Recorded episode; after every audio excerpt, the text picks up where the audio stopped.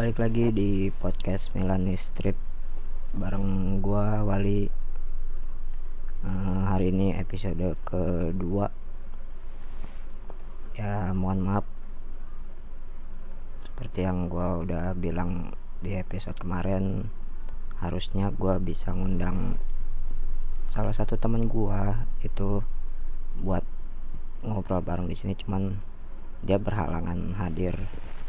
Jadi ya gue coba untuk uh, rekam sendirilah untuk podcast hari ini ya. Untuk hari ini itu gue baru aja dapat berita yang cukup miris sih.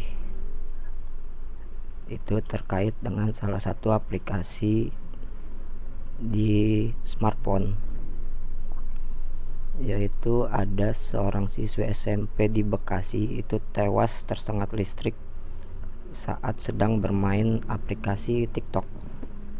Jadi diambil dari berita Tribun Video itu ada seorang siswa SMP berinisial D tewas tersengat listrik saat sedang asik bermain aplikasi TikTok pada hari Senin tanggal 15 Juni 2020 dia tewas tersengat listrik di lantai tiga rumahnya yang berada di perumahan Regensi 2, Kecamatan Cikarang Barat, Kabupaten Bekasi. Jadi dikutip dari tribunjakarta.com AKP Akta Wijaya menjelaskan korban berinisial D ketika itu sedang bermain aplikasi TikTok bersama sejumlah temannya. Namun naas ponsel milik korban jatuh dan tersangkut di kabel listrik yang ada di depan rumahnya ya jadi buat adik-adik atau temen-temen yang sering main aplikasi TikTok itu lebih berhati-hati lagi. Ya sebisa mungkin hindari hal-hal yang berbahaya lah pada saat uh, main TikTok. Gua gua nggak menyalahkan untuk aplikasinya. Tapi gue menyalahkan orang-orang yang menyalahgunakan aplikasi ini ya. Contohnya kayak yang tadi barusan itu ya itu apa ada positif dan negatifnya sih kalau uh, kita main sesuatu itu pasti ada hal-hal yang kita tidak inginkan ya, ya jangan sampai sih sebenarnya. Cuman ngomongin masalah sekolah juga ya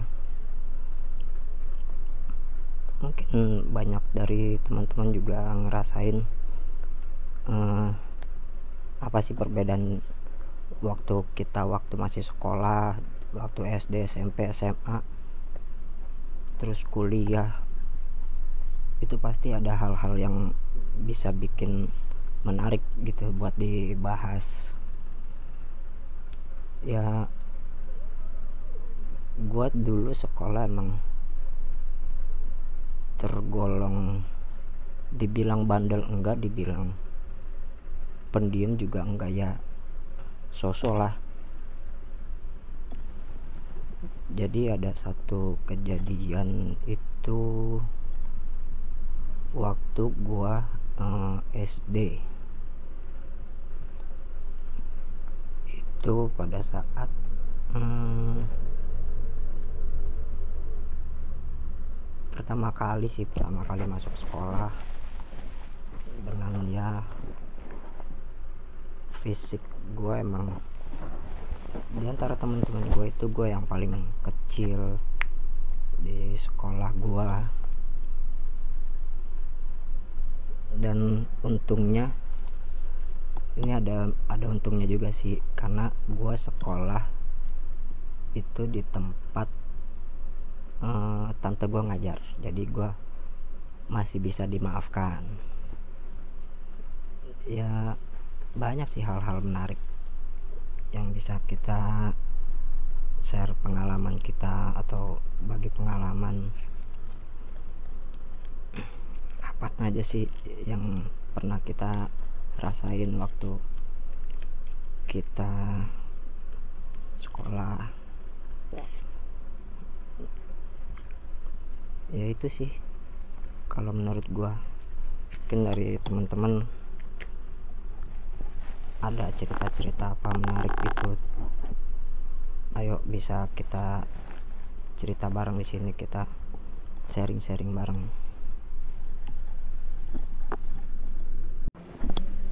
Ya masih ngomongin tentang sekolah juga. Ini gue juga ada baru dapat berita terkait uh, pembukaan kembali sekolah di wilayah Indonesia jadi menurut sorry tribun cirebon.com itu ada berita pemerintah melalui Kementerian Pendidikan dan Kebudayaan akan kembali membuka sekolah yang berada di wilayah zona hijau.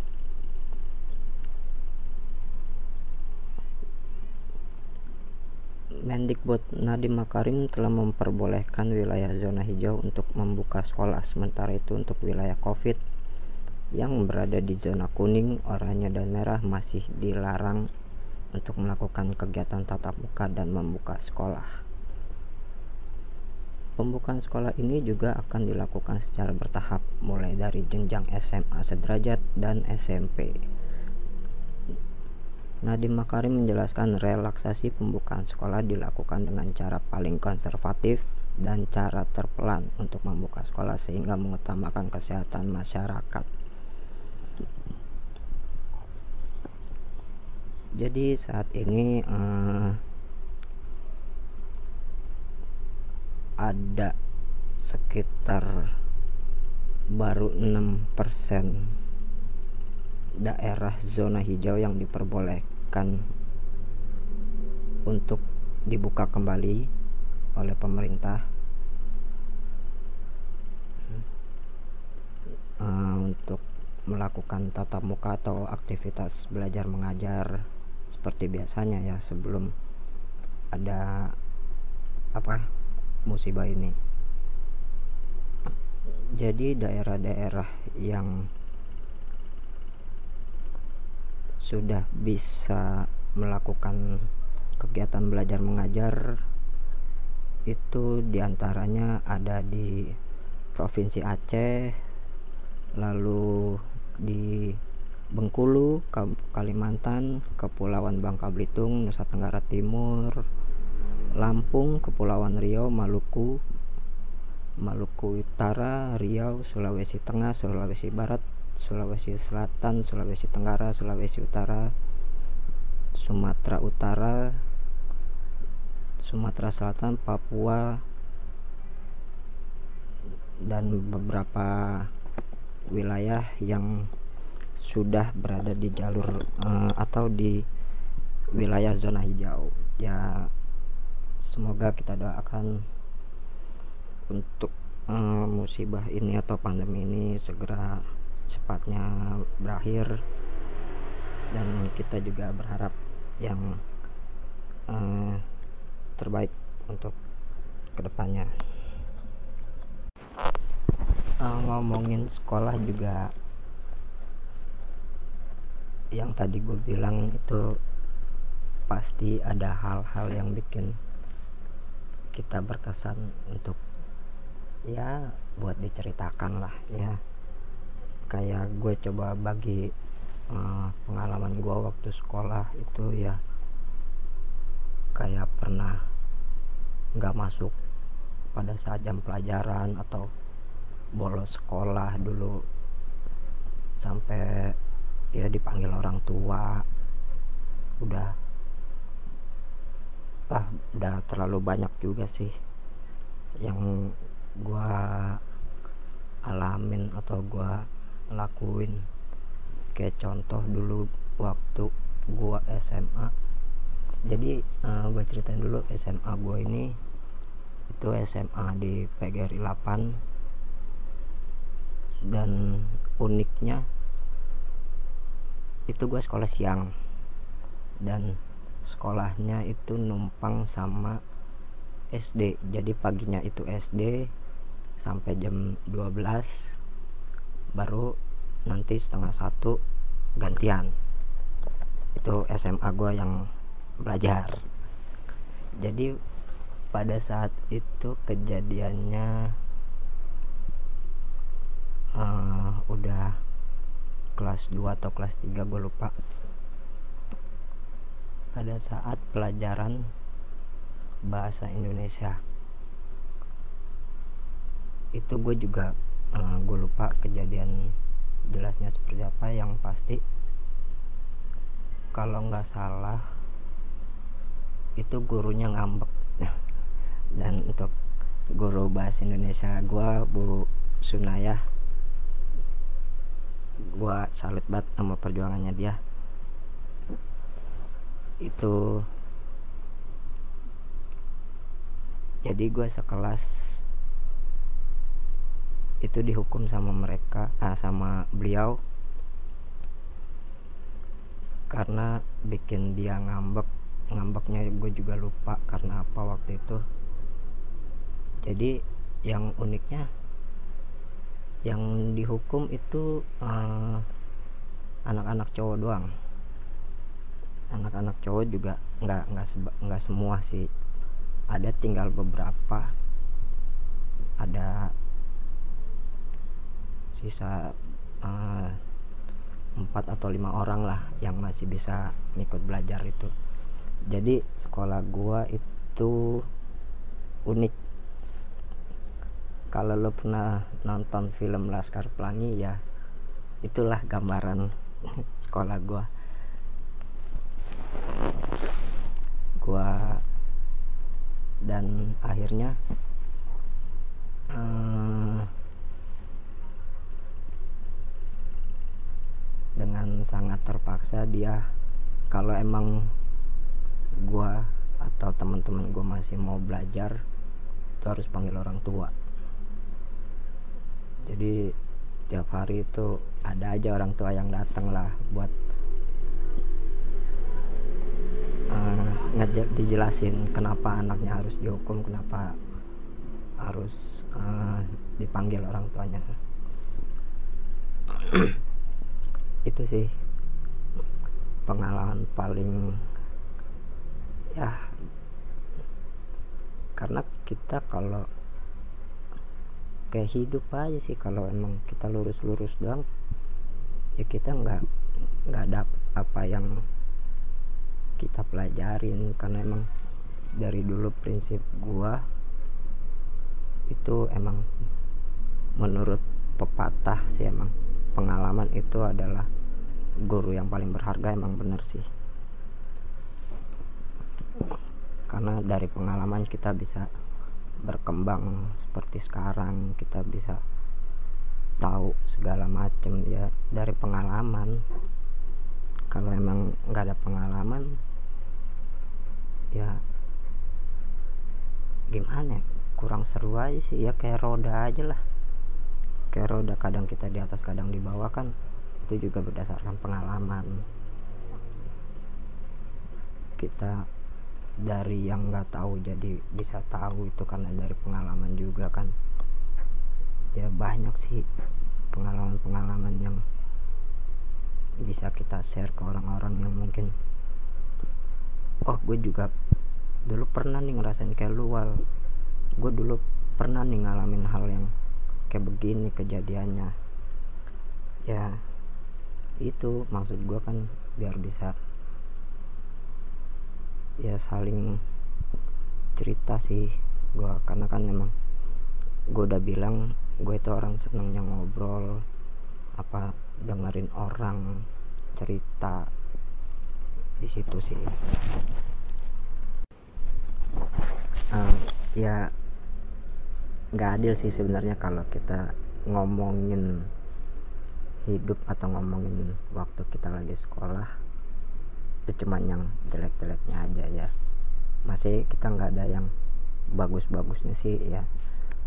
Kayak dulu pengalaman gue waktu SD itu ini nggak tahu bagus apa enggak cuman menurut gue gue itu yang paling berkesan sih. Jadi ya lu pasti tau lah setiap uh, tahun kan ada perayaan hari kartini gitu ya. Jadi semua seluruh siswa itu diharuskan memakai baju pakaian adat dari daerah masing-masing. Ada yang dari Betawi wah Betawi yang paling banyak lah. Karena kan emang tergolong gampang paling cuman pakai kaos oblong yang warna putih terus pakai celana boim apa kalau nggak salah namanya kayak celana batik gitu. Tapi dia uh, kayak celana main sih jatuhnya. Terus modal peci udahlah. Betawi ada baju dari adat Jawa macam-macam sih. Nah gua itu kan karena emang gua da, uh, dari orang Bima. Jadi waktu itu gua dibikinin baju sama nyokap. Itu ba baju dari adat Bima. Uh, singkatnya jadi gue ada saudara itu yang satu tahun satu tingkat di bawah gue jadi uh, eh, gue dipasangin sama dia uh, untuk seragam dari adat Bima. Jadi saudara gue ini kan cewek. Terus pada saat di sekolah itu biasalah ada lomba-lomba gitu kan kayak fashion show apa per kelas gitu. Dan karena emang pasangan gua kan saudara gua nih di bawah gua apa tingkatnya. Jadi ya gua masuk ke ngikut barisan di kelasnya saudara gue itu. Ya akhirnya uh, udah mulai fashion show jalan sampai pengumuman itu gue dinobatkan sebagai kostum terunik oleh sekolah. Itu gue dapat hadiah. Gue lupa hadiahnya apa cuman ya itu sih paling berkesan sih. Dan gue juga sedikit bangga kan emang mengenalkan uh, budaya dari orang tua gue di situ sih. Ya kayaknya segitu dulu sih untuk podcast hari ini. Kalau emang dari teman-teman ada yang mau apa cerita-cerita sama gue boleh. Ya tinggal kontak gue ya. Di WhatsApp atau di Instagram ya kalau mau follow Instagram gue atau Instagram Milanistrip juga boleh. Di Instagram gue di @wali Abu Bakar W A L L I E Abu Bakar itu disambung semua. Jadi at Wali Abu Bakar W A L L I E Abu Bakar dan di Instagramnya Milani Strip juga sama at Milani Strip ya pokoknya sekian dulu podcast gua hari ini. Tetap jaga kesehatan tetap semangat dan terus berkarya. Oke balik lagi di podcast Milanis Strip. Episode ketiga. Ya uh, gua nggak tahu sih mau ngomong apa hari ini. Cuman emang gua baru aja dengerin podcast dari salah satu kawan gua. Itu yang cukup menarik sih buat dibahas. Karena emang ya apa ya? Karena emang nggak terlalu berkaitan banget sih sama hidup gue cuman emang ada hal-hal yang unik aja sih buat dibahas yaitu bahas tentang perkembangan tim kesayangan gua. Itu yang pernah gua singgung waktu di podcast episode awal tentang klub AC Milan. Ya mungkin gue coba apa yang ngebuka dengan nggak tahu juga sih kalau ngomongin Milan. Banyak yang bisa gue bahas. Ya salah satunya ya mungkin dari teman-teman udah ada yang tahu ngelihat dari apa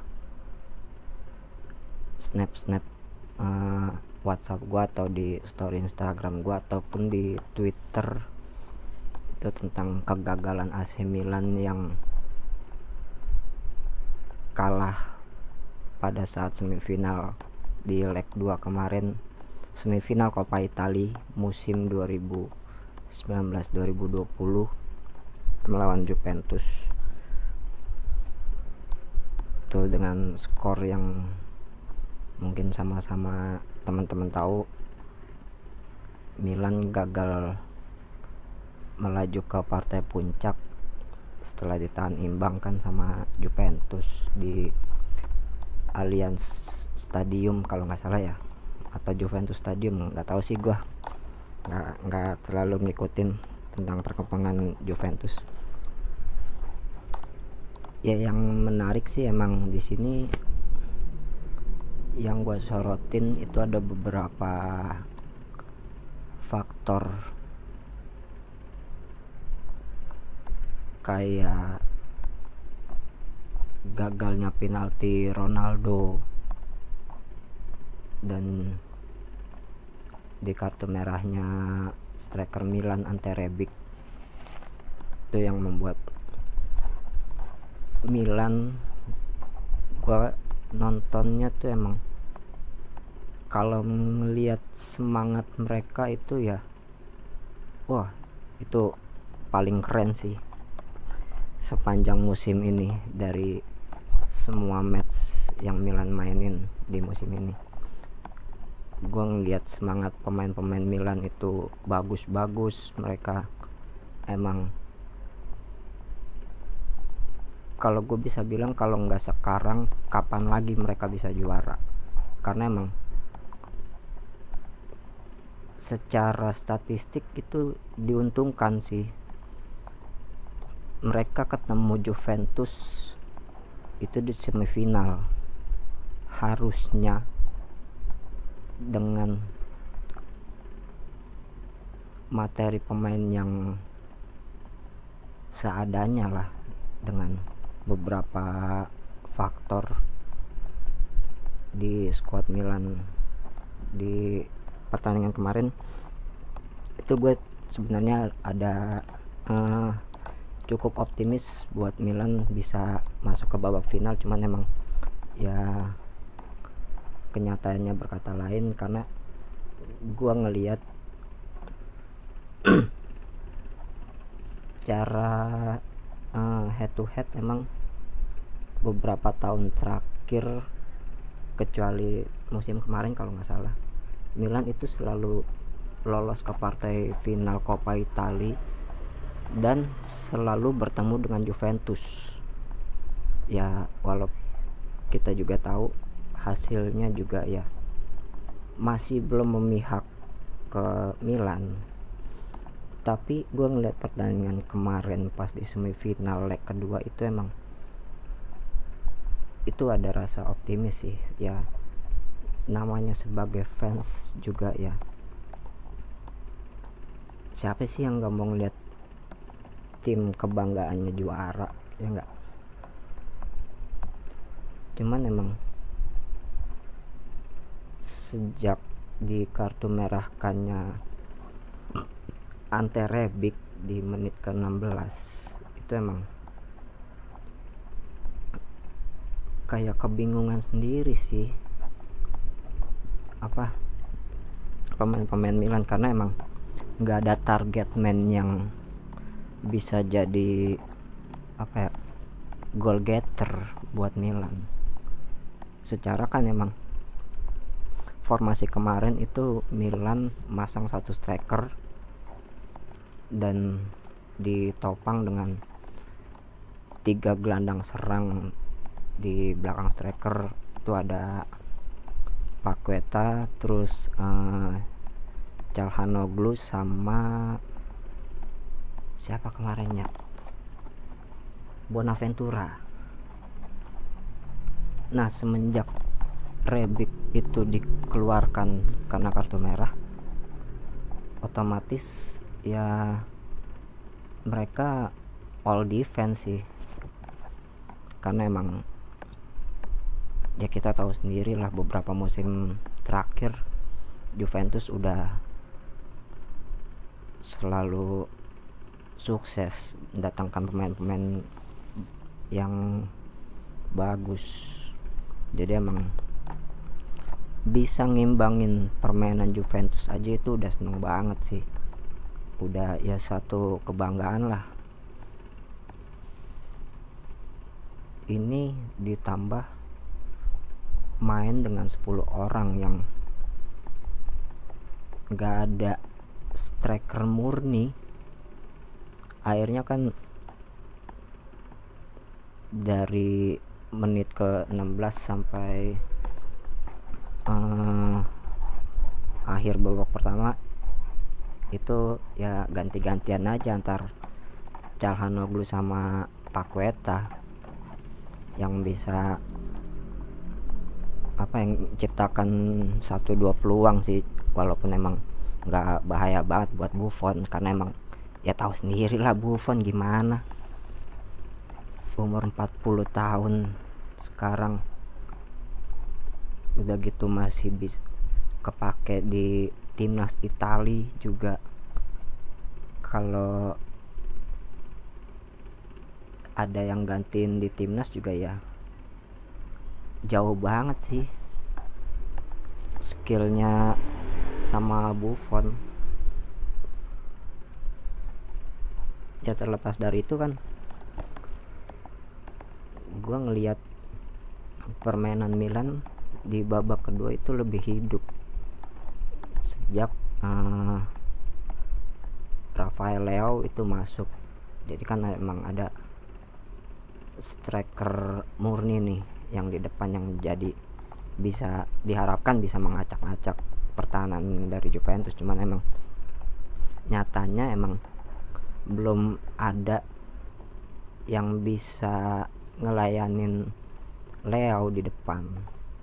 Kayak Calhanoglu juga gue ngeliat dia terlalu melebar misalkan permainannya apa terlalu mengarah ke sayap. Terus Paqueta juga yang pada saat didatangkan katanya anak-anak Milanisti atau Milan fans itu bisa menjadi the next kakak. Ternyata emang masih belum keluar kemampuannya di AC Milan. Terus juga beberapa pemain-pemain baru yang datang di musim ini kayak Benacer terus uh, Cellmaker itu ya agak lumayan lah mereka bisa ngeredam serangan-serangan dari Juventus. Cuman yang gue sorotin hari pas pertandingan kemarin itu Calabria yang gantiin posisinya Theo Hernandez karena cedera. Itu beberapa kali gue perhatikan pada saat pertandingan Calabria itu ada sekitar 4 sampai 5 kali dia kehilangan kontrol bola. Jadi beberapa kali dia ngontrol bola bisa direbut sama pemain Juventus. Dan itu yang membuat ya sedikit deg-degan juga sih. Ya tahu sendiri Juventus pemain-pemain depannya jangankan pemain depan gelandang-gelandang mereka pun punya speed-speed yang kencang-kencang semua. Kalau di PS itu udah wah merah semua itu mah speed-speednya. Terus uh, ya gue nge ngebanggain tim Juventus nggak apa-apa lah sekali-sekali karena emang di atas kertas Juventus masih superior sih untuk Liga Italia cuman di UCL ya sampah gue bilang sampah.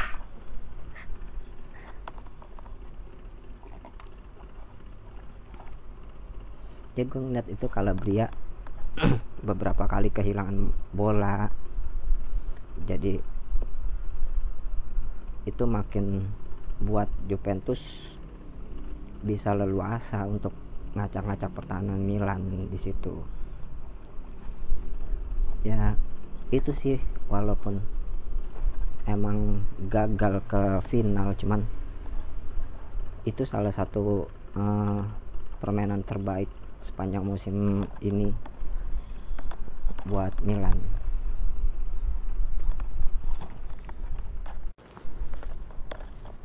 Oke lanjut masih ngomongin masalah Milan. Ya gue sebagai salah satu fansnya AC Milan emang dibilang cukup sadar diri lah untuk beberapa musim terakhir. Karena ngeliat kedalaman skuadnya Milan kalau kata pengamat-pengamat sepak bola yang udah expert itu dibilang nanggung. Ya contoh beberapa tahun terakhir ngedatangin pemainnya ya. Dibilang bintang juga kagak dibilang mediocre tapi skillnya ada. Karena emang ngelihat performa Milan beberapa musim terakhir itu naik turun sih. Ditambah juga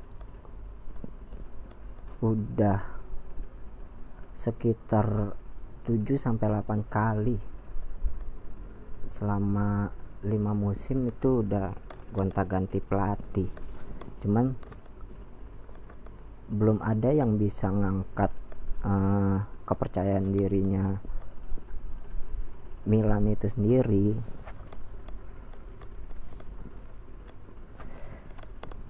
Karena emang kalau dibilang sedih ya sedih banget sih. Terakhir uh, hal yang bisa gue banggain sebagai Milan fans ya hampir sebagian besar uh, anak-anak Milanisti itu ya yang bisa dibanggain paling cuman trofi UCL yang udah set berapa belas tahun yang lalu itu terakhir 2007 dapat trofi UCL terus abis itu dapat Scudetto yang ke-18 tahun 2011 itu doang paling. Karena emang udah nggak ada lagi prestasi yang bisa dibanggainnya. Kecuali waktu uh, final Super Copa. Eh Super iya Super Copa kalau nggak salah. Yang waktu di Dubai itu kan juara juga tuh ketemunya juga Juventus juga tuh.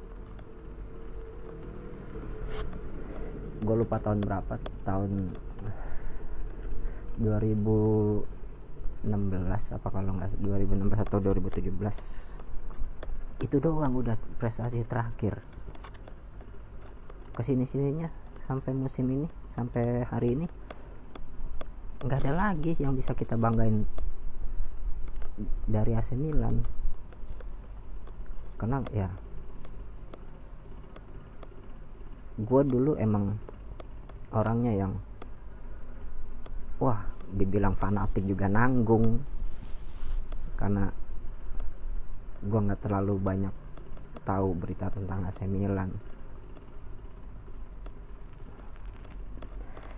Kayak dulu gue masih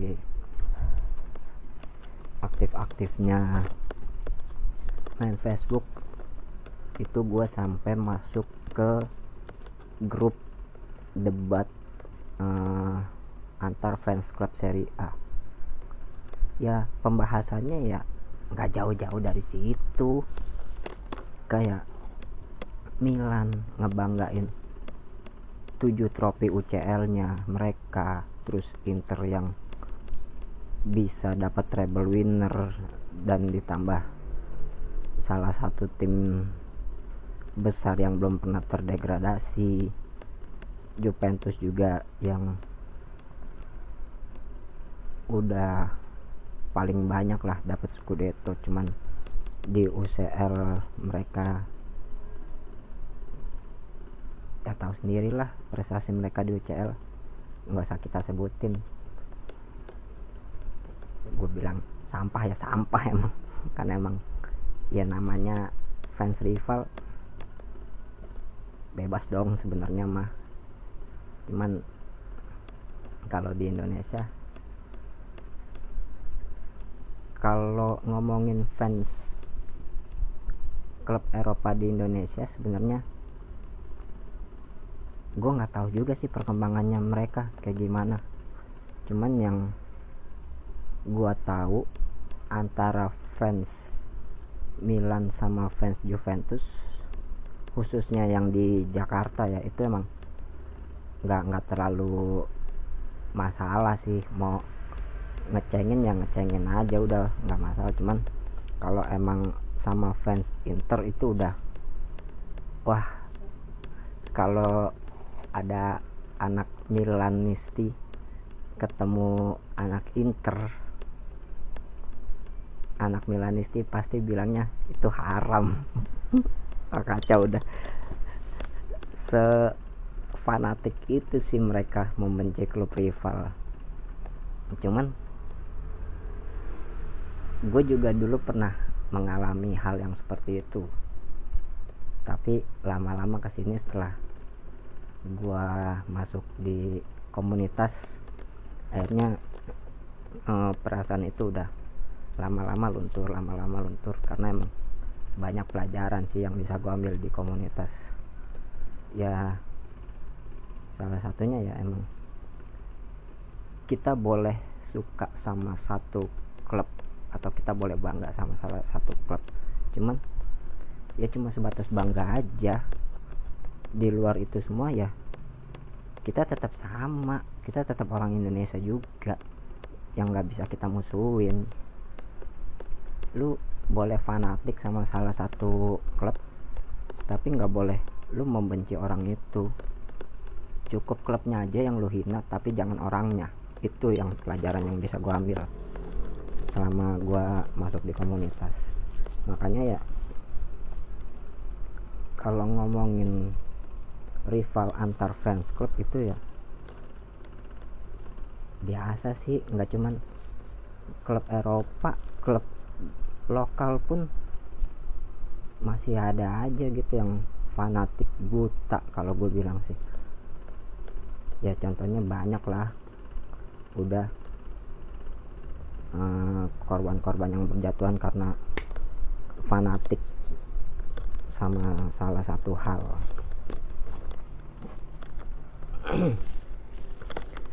Makanya gua di sini nggak mau apa yang nggak mau ngebangga banggain tentang Milan sebenarnya walaupun emang banyak prestasinya pada masa dulu. Cuman gua lebih melihat realita hari ini. Kondisi Milan itu kayak apa? Itu banyak yang bisa gue bahas hari ini. Ya yang udah dari tadi gue jelasin. Banyaklah hal-hal buruk kayak yang udah gue sebutin pemain gonta ganti terus pelatih udah banyak yang keluar masuk. Tapi prestasi nggak ada juga. Karena emang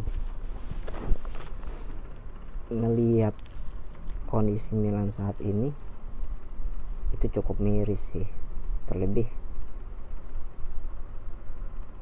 hmm, karena gue kan masuk di komunitas ya.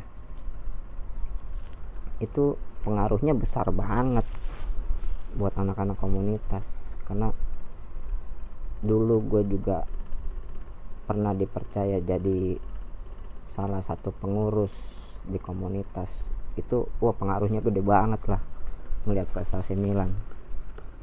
Nobar sepi ya paling yang datang. Satu dua orang yang pengen banget nonton. Nggak nggak punya kuota mungkin karena emang sebenarnya bisa bisa streaming kalau nonton Milan. Cuman ya mungkin mereka nyari temen karena emang gua nonton bola itu ya pengen nyari atmosfernya aja sih ngeras pengen ngerasain atmosfer. Kayak nonton langsung di stadion itu kayak gimana sih?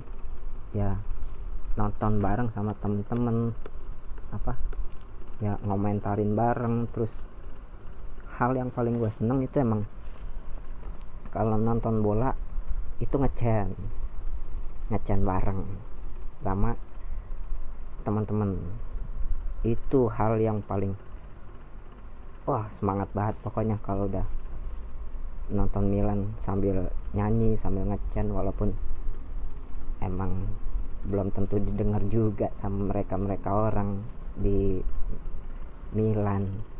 Cuman emang itu feel feel yang gue rasain selama nonton bareng sama anak-anak komunitas ya. Seru sih emang seru.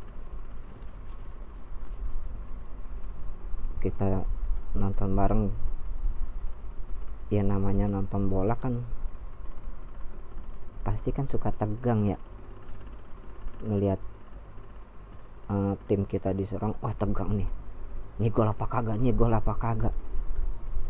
Sebaliknya kalau tim kesayangan kita lagi nyerang ke tim lawan. Ah kalau nggak gol ada perasaan harusnya lu ke sini harusnya lu ke sini ngopernya. Wah jadi sosok sotoy lah. Jadi komentator dadakan. Nah di situ tuh feel feel nobar sebenarnya. Karena emang no, nonton bola sendiri itu apalagi di rumah. Kagak enak coy. Kita mau teriak diomelin sama orang rumah. Kalau gol ya cuman ngerayain sendiri. Kagak enak banget pokoknya kalau nonton bola sendirian di rumah. Kita teriak nih gol misalkan. Emak kita bangun abang-abang kita bangun adik-adik kita bangun. Kagak seru dah pokoknya. Makanya enakan nobar. Itu ekspresinya beda men kalau lu nobar. Walaupun emang hal yang paling gue benci waktu saat nobar. Dalam beberapa musim terakhir itu kita nobarin orang nobar. Ngerti nggak lo maksud gue kita nobarin orang nobar. Jadi kita udah nyediain tempat nih buat nobar. Dia udah beli tiket itu orang. Udah dapat ya kalau dulu waktu gue masih jadi pengurus atau jadi penjaga tiket pada saat nobar. Itu kan dapat minum dap cuman dapat minum kan. Udah gitu wah. Dibilang hal yang paling gua panik itu kalau udah karena kan gua nobar itu streaming ya. Pakai laptop terus sambungin ke proyektor layar terus nyari link streamingnya. Itu hal yang bikin paling gue deg-degan. Kalau streamingannya macet. Itu udah wah kacau udah. Kita harus refresh dulu laptopnya. Terus harus nyari link yang lain yang lebih enteng nggak nggak buffer. Dan yang bikin gua kesel itu sebenarnya dia datang nih nobar. Terus dia udah beli tiket. Tapi pas streamingannya di layar itu telat atau sering macet-macet tiba-tiba dia nonton pakai HP wah anjrit. Ya itu hak dia sih sebenarnya karena dia udah bayar ya dia bebas mau ngapain. Mau dia streaming yang pakai HP atau mau nonton di layar ya terserah sih cuman kalau menurut gua kalau menurut gua nih nggak tahu kalau menurut teman-teman kayak gimana. Ya esensi dari nobar kalau lu streamingan juga lewat HP ya udah hilang. Ya nobar kan kita ya namanya nobar nonton bareng nonton bersama bukan nonton sendiri. Ya kalau nonton sendiri ngapain lu jauh-jauh buang-buang bensin ke tempat nobar? Kalau ujung-ujungnya lu nonton dari HP juga. Ya. Nggak masalah sih sebenarnya buat gua. Yang penting kan bagi gua nih. Lu udah bayar ya udah. Yang penting lu udah bayar terserah sih lu mau ngapain. Cuman ya ada rasa kesel juga sih dikit namanya ya gue kan ngurusin juga apa mereka kan nggak tahu apa susahnya gue kayak gimana dulu ngurusin nobar nyari-nyari tempat. Terus uh, harus estimasi orangnya berapa orang yang datang. Jadi kan gue koordinasi juga sama yang punya nobar dia harus nyedain minum berapa. Oh itu pengalaman gue sih waktu pernah jadi pengurus buat ngurusin acara-acara nobar. Di situ sih. Yang ngomongin masalah nobar juga itu banyak juga lah tipikal-tipikal penonton yang gue bilang unik sih. Ada beberapa penonton yang cuman nonton doang udah oh gue bilang dia udah fanatik banget dah pokoknya. Kalau emang Milan lagi kalah itu langsung dikata-katain sumpah serapah. Yang kata-kata makian paling parah udah kalau udah Milan kalah. Itu pasti bakalan keluar pada saat lu nonton bareng. Ada juga yang no nobar itu cuman buat ketemu teman-temannya dia nongkrong bareng di situ. Ya daripada dia nobar sendiri kayak yang gua pernah bil tadi bilang mendingan dia nonton nongkrong bareng sama temen-temennya ketemu anak-anak komunitas lain kan ketemu temen-temennya ada juga yang dibilang fanatik sih sebenarnya kagak sih. Tapi dia emang jiwanya terhadap uh, salah satu klub itu loyal banget. Jadi dia ada salah satu barisan itu yang kerjanya cuman nyanyi terus ngecen selama 90 menit. Walaupun kalau gue sendiri karena gue juga pernah ngikut dalam barisan itu. Gue ikut nyanyi ikut ngecen. Walaupun emang nggak terlalu kenal banget sama barisannya. Gue juga nggak terlalu tahu itu maksud nyanyiannya itu atau chantnya itu artinya apa.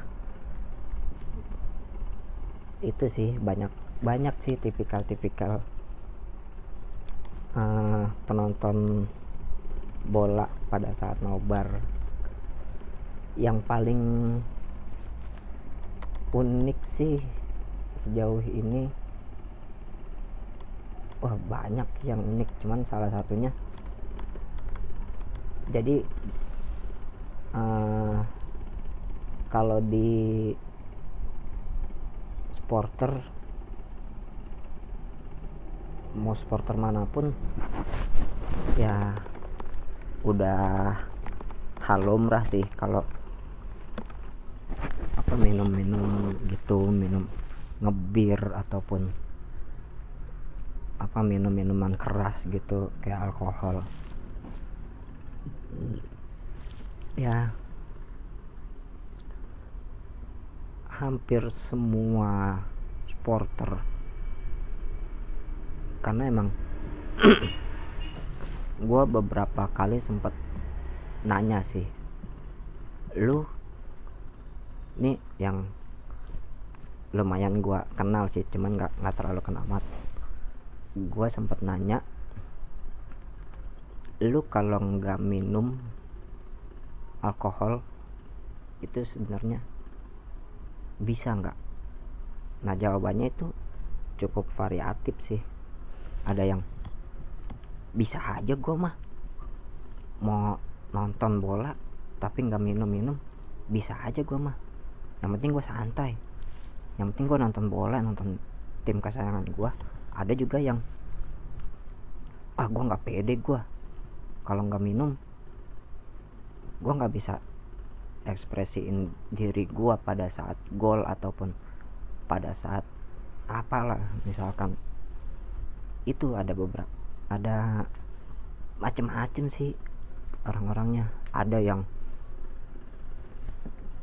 dia mungkin sebelum dia jalan nobar dia udah minum-minum dulu di mana gitu di tongkrongannya dia. Terus pas sampai tempat nobar dia minum lagi sampai sampai muntah di tempat nobar. Sampai dia tidur sampai dia selesai pertandingan itu dia tidur dibangunin sama temennya udah udah selesai pertandingan. Wah itu kocak sih. Sampai dia muntah di tempat nobar waduh. Yang paling kocak sih itu sih udah.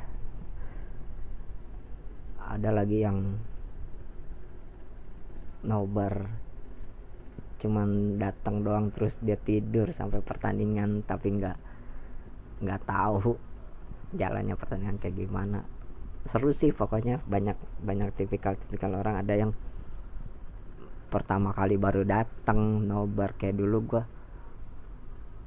gue jadi flashback sedikit uh, tentang kenapa gua masuk komunitas. Itu awalnya emang uh, gue suka Milan itu dari dulu. Dari pada saat uh, Milan Scudetto ke 17 kalau nggak salah. Terus akhirnya itu belum terlalu paham banget tentang Milan. Lalu masuk ke final UCL 2003 sebenarnya gua itu suka Milan karena dari uh, abang-abang gua yang demen Milan juga sebenarnya. Jadi gua satu keluarga ini karena gua anak paling bontot jadi gua punya abang tiga itu sukanya semuanya Milan. Akhirnya ya sebagai anak bontot yang paling nurut atai lah. Sebagai yang paling nurut di keluarga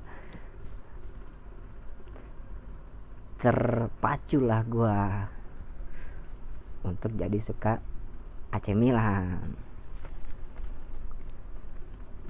Akhirnya pertama kali gua nonton pertandingan Milan itu ya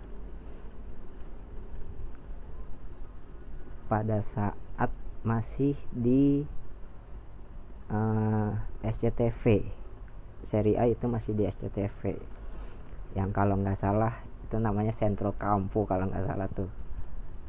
Tuh udah kalau udah pertandingan AC Milan itu gue selalu nonton tuh satu musim full.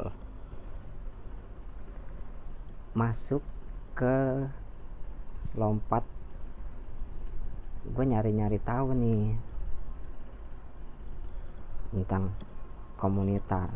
Pertama kan dari Facebook dulu pertama kali gue punya Facebook gue nyari-nyari tahu nih sebenarnya ada nggak sih? Karena gue mikir Persija itu tim lokal aja punya fans club berarti di Eropa punya nih fans club di Indonesia nih.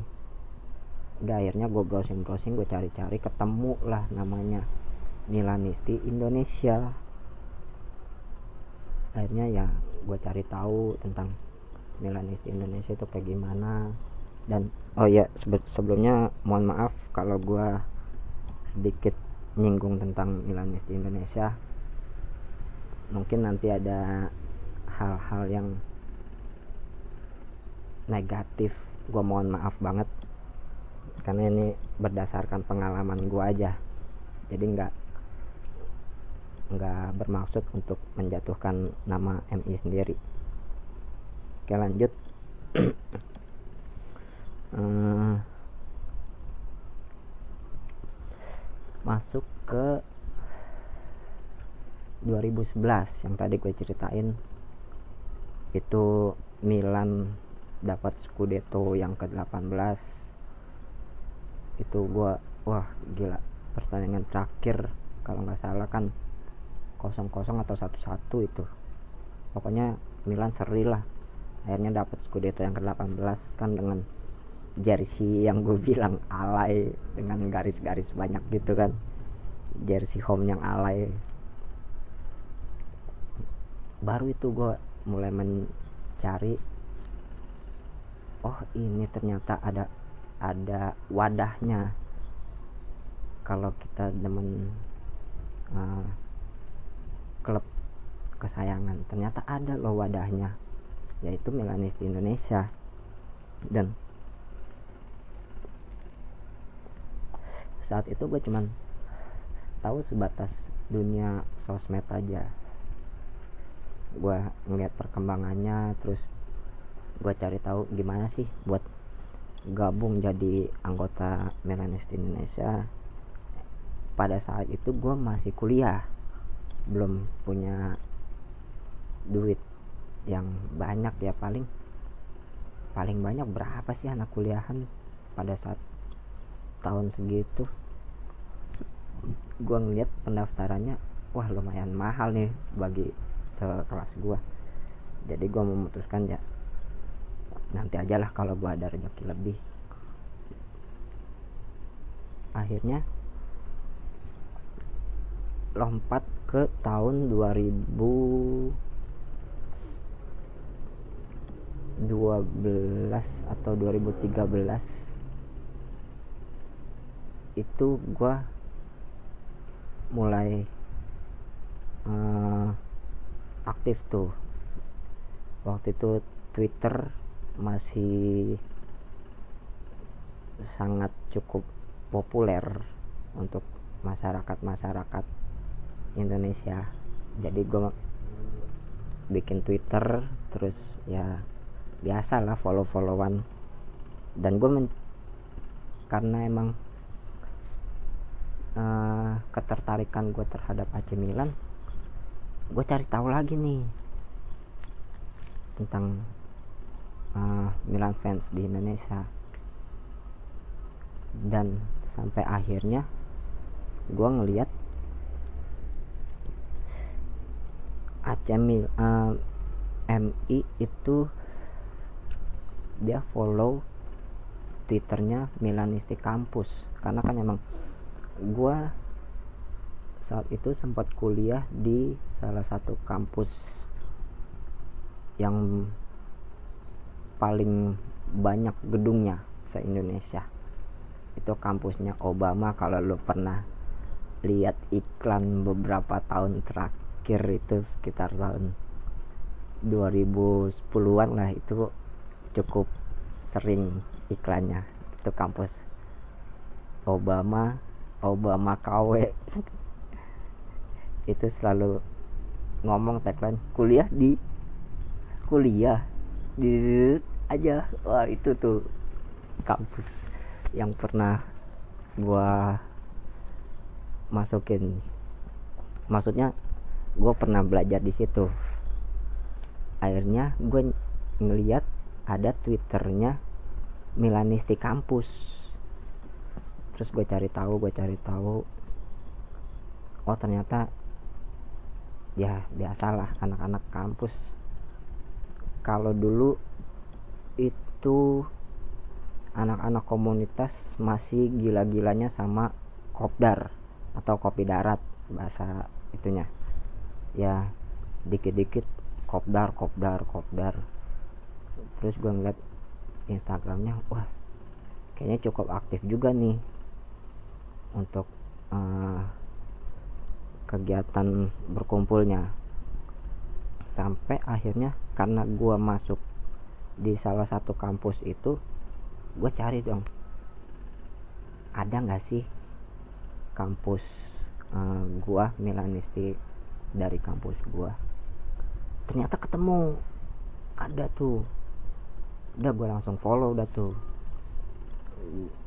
Gue langsung follow terus gue DM nih adminnya uh, twitternya Milan kampus itu. Gue DM min elah min. Ah berak berak pakai min. Min gue mau gabung dong. Gue dari det cabang ini. Gimana caranya? Dibales tuh. Ya udah lu uh, add BBM adminnya aja karena dulu masih zamannya pakai BBM kan. Gue add tuh pinnya adminnya akhirnya. Min uh, bang sorry bang gue yang tadi yang DM barusan. Udah akhirnya ngobrol-ngobrol-ngobrol. Lu mau masuk grup nggak? Masuk grup uh, Milanistik kampus gua boleh bang. Ya udah tuh akhirnya masuk di grup. Ternyata emang oh rame tuh ternyata udah rame. Dari cabang-cabang mana aja tuh kampus gua. Ada yang dari Salemba terus dari Kramat dari Cawang oh banyak pokoknya. Sampai akhirnya ini pertama kali gue uh, pengen masuk ke komunitas ke MI akhirnya ternyata uh, kampus itu kampus gua ya kampus gua pengen ngadain ulang tahun yang kedua. Wah ternyata udah dua tahun nih mereka berdiri. Pengen ngadain ulang tahun yang kedua. Akhirnya mereka coba ngasih apa ya ngasih surprise lah ngasih surprise buat ngerayain ulang tahun uh, Milanistik kampus gue sebutin aja lah ya Milanistik kampus BSI jadi gue dulu pernah masuk uh, kuliah di BSI udah akhirnya mereka mau ngerayain ulang tahun cuman dananya nggak ada. Dananya nggak ada karena mereka emang punya konsep mereka mau ngerayain ulang tahunnya pada saat nobar. Udah akhirnya ngobrol gitu di grup hmm, nentuin ya udah. Jadi dah tuh akhirnya jadi ngerayain ulang tahun pada saat nawar uh gokil pokoknya. Pertama kalau gue bilang itu kayaknya baru pertama kali anak-anak Milan kampus yang ngerayain ulang tahunnya mereka pada saat nobar. Dan gue termasuk excited juga sih karena baru anak baru nih di komunitas. Sampai akhirnya udah beberapa lama namanya ya itu kan regenerasinya juga kurang masif sih kurang serius untuk regenerasi anak-anak barunya Milan BSI mulai menurun tuh ada yang udah lulus ada yang tiba-tiba left group. Wah pokoknya banyak lah. Dan sampai akhirnya ngilang tuh lama-lama. Ngilang. Udah pokoknya gue udah nggak terlalu uh, fokus ke situ. Gue juga udah cabut ke mana-mana karena udah punya cukup banyak kenal lah sama anak-anak komunitas. Akhirnya beberapa tahun setelah itu gue ngeliat ada salah satu grup itu mereka aktif sekali di Facebook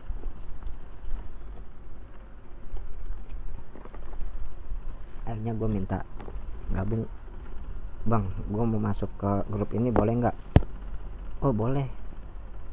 Di add tuh di invite sama mereka sama adminnya buat masukin ke grup. Akhirnya chatting chatting chatting di message.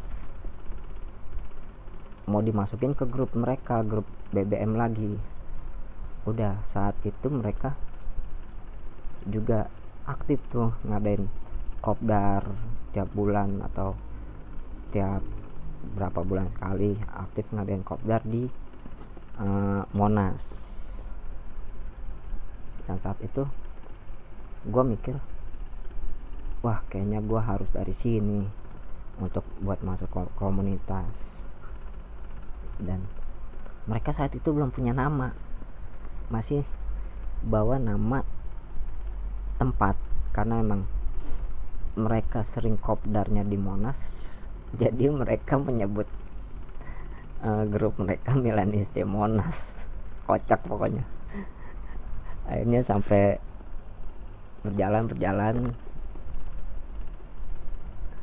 ada salah satu orang mungkin dia yang uh, mengepalai lah yang leadernya grup ini sering ngomong setiap uh, nyapa ada orang baru yang masuk ke grup itu dia selalu nyeripin kata akur. Kocak pokoknya. Pokoknya setiap ada yang baru masuk dia selalu greeting pokoknya. Oke selamat datang welcome. Uh, namanya siapa misalkan? Uh, Santoso selamat datang pokoknya. Uh, akur pokoknya. Akhir katanya dia itu selalu nulis kata akur. Emang akur apaan sih? Ya akur ya. Akrab kata dia. Akrab pokoknya. Udah akhirnya. Ya udah namanya Milanisti akur aja kata, kata salah satu anggota. Gue lupa siapa yang ngomong di grup. Ya udah namanya Milanisti akur aja. Akhirnya dari situ gue baru tuh mulai daftar member. Daftar member di MI cuman gue belum nantilah ada saatnya gue ngebahas tentang gimana uh, pengalaman gue di MI karena emang uh, udah 49 menit coy. Mungkin ini gue baru awalnya aja. Gue masuk itu diakur karena emang yang tadi gue bilang dia leadernya ini selalu mengakhiri kata-kata greetingnya dengan kata-kata akur. Akhirnya gue mikir tuh akur. Akur kan artinya akrab. Artinya ya bye-bye aja nggak ada masalah. Gue mikir tuh oh enggak awalnya sebelumnya dia minta bikinin logo bikinin logo karena emang gue dulu dari dulu emang sering tertarik sama dunia desain ya desain grafis. Akhirnya dia minta bikinin logo. Dia minta bikin logo udah jadi. Tapi gue ngasih saran nih bang nama akur udah cakep sebenarnya tapi gue punya nih bang uh, singkatan dari akur itu apa? Oh iya tuh boleh wal kata dia. Uh, apaan tuh? Namanya kocak pokoknya. Jadi singkatan akur itu aku kamu untuk Rosaneri wow pokoknya yang ada uh, kaitannya dengan oh, fanatik banget sama AC jadi karena emang gue ngeliat filosofisnya. Nama akur itu sendiri di grup. Gue tercetus lah apa uh, singkatan itu. Jadi singkatan akur itu aku kamu untuk Rossoneri. Itu langsung dipakai akhirnya nama itu. Oh ya udah itu bagus itu nama akur. Dan uh, tercetus lah itu apa terdeklarasikan lah itu nama akur sampai ya udah bikin logonya bikin logonya. Aduh dulu gue masih katrobat tuh bikin logonya. Bikin logo yang penting uh, ada unsur rumah-rumahnya. Kocak pokoknya. Udah gue bikin logo udah jadi. Bikin bendera oh saking saking seriusnya itu komunitas itu apa kalau anak-anak MI nggak tahu sekarang. Karena gue udah udah nggak uh, terjun langsung di kepengurusan nggak tahu sekarang namanya. Mohon maaf. Kalau mereka nyebutnya itu Milanisti basis-basis liar. Karena emang nggak nggak termasuk ke dalam uh, struktural sih atau nggak berafiliasi ke MI langsung. Akhirnya itu bikin banner segala macem terus bikin bendera. Oh itu pokoknya gokil sih. Pertama kali gue punya temen anak-anak Milanisti itu ya gue berterima kasih sih sama Milanisti aku ini. Kocak sih emang sampai pada akhirnya itu mereka ngadain ulang tahun Milanisti Akur. Dan mereka sangat sangat konseptual sampai mereka nentuin tempat di mana. Waktu itu mereka ngerayainnya di Ragunan. Di Ragunan itu sampai ngundang-undang basis-basis liar sih. Sorry ya kalau gue nyebutnya basis liar cuman karena gue nggak tahu nih apa uh, mengkategorikannya sebagai apa. Ngundang-undang basis liar kayak banyak sih ada basis-basis yang mereka sebenarnya sebagian ada yang udah jadi member resmi cuman mungkin mereka nggak terlalu nyaman untuk berkecimpung langsung. Jadi mereka bikin grup sendiri. Ada yang namanya macam-macam sih. Yang penting ada unsur milanistinya lah. Udah akhirnya milanisti akur ini mereka ngadain ulang tahun yang kedua atau ketiga kalau nggak salah. Kedua. Itu mereka sampai ada gamesnya segala uh, udah. Pokoknya udah kayak semi gathering pokoknya. Gokil sih. Sampai bikin kue segala happy birthday Milanisti Akur itu kalau lu lu bisa cek uh, foto-fotonya itu ada di Facebook gua sih. Ada di galeri Facebook gua. Itu sampai saking gua uh, terlalu dalam mungkin karena emang ngerasa gua dulu masih memegang teguh dengan tagline-nya Indonesia lebih besar dari keluarga. Eh lebih dekat dari saudara lebih besar dari keluarga itu gue sangat memegang teguh. Uh, slogan itu. Jadi akhirnya sampai gue bikin uh, topinya topi Milanisti Akur cuman uh, hanya kalau itu kan namanya nama akur tapi mereka punya jargon. Dan itu gue bukannya ngebanggain diri gue ya cuman selama beberapa tahun itu gue masuk ke dalam situ gue selalu menjadi pencetus di situ gue yang nentuin uh, singkatan akur itu apa terus gue yang bikin logo itu apa sampai gue punya uh, anak-anak MA itu Malaysia akur itu punya jargon insieme nei akur. Di Itali banget pokoknya. Lu berasa tifosi banget pokoknya kalau udah pakai-pakai nama Itali.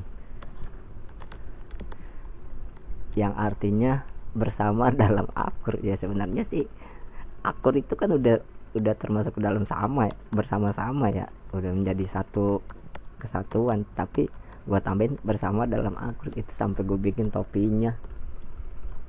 Sampai akhirnya ya karena ada selama beberapa bulan itu ada salah satu uh, sebuah apa ya kelas lah kelas dengan anggota-anggota di situ ya puncaknya gue uh, secara nggak langsung itu dikeluarkan dari grup mereka ya. Sampai sekarang tapi alhamdulillahnya beberapa dari anggota di situ masih bisa berteman baik sama gue sampai yang dulu pernah uh, kelas sama gue itu ya alhamdulillah pas ketemu udah beberapa lama ya baik lagi nggak masalah.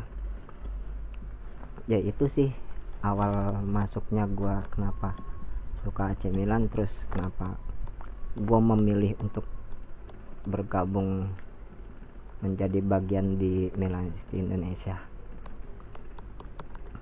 Wah udah hampir satu jam nih karena gue kalau ngomongin masalah AC Milan itu banyak pengalaman-pengalaman gue selama gue menjadi supporter Milan fans. Mungkin nanti gue bakal uh, sharing-sharing lagi pengalaman gue pada saat gue gabung ke Milanis Indonesia. Ya kemungkinan gue bakal ngajak temen gue sih karena emang ada satu uh, dia podcaster juga sebenarnya tapi dia lebih dulu. Jadi gue terinspirasi dari dia. Dia podcaster juga.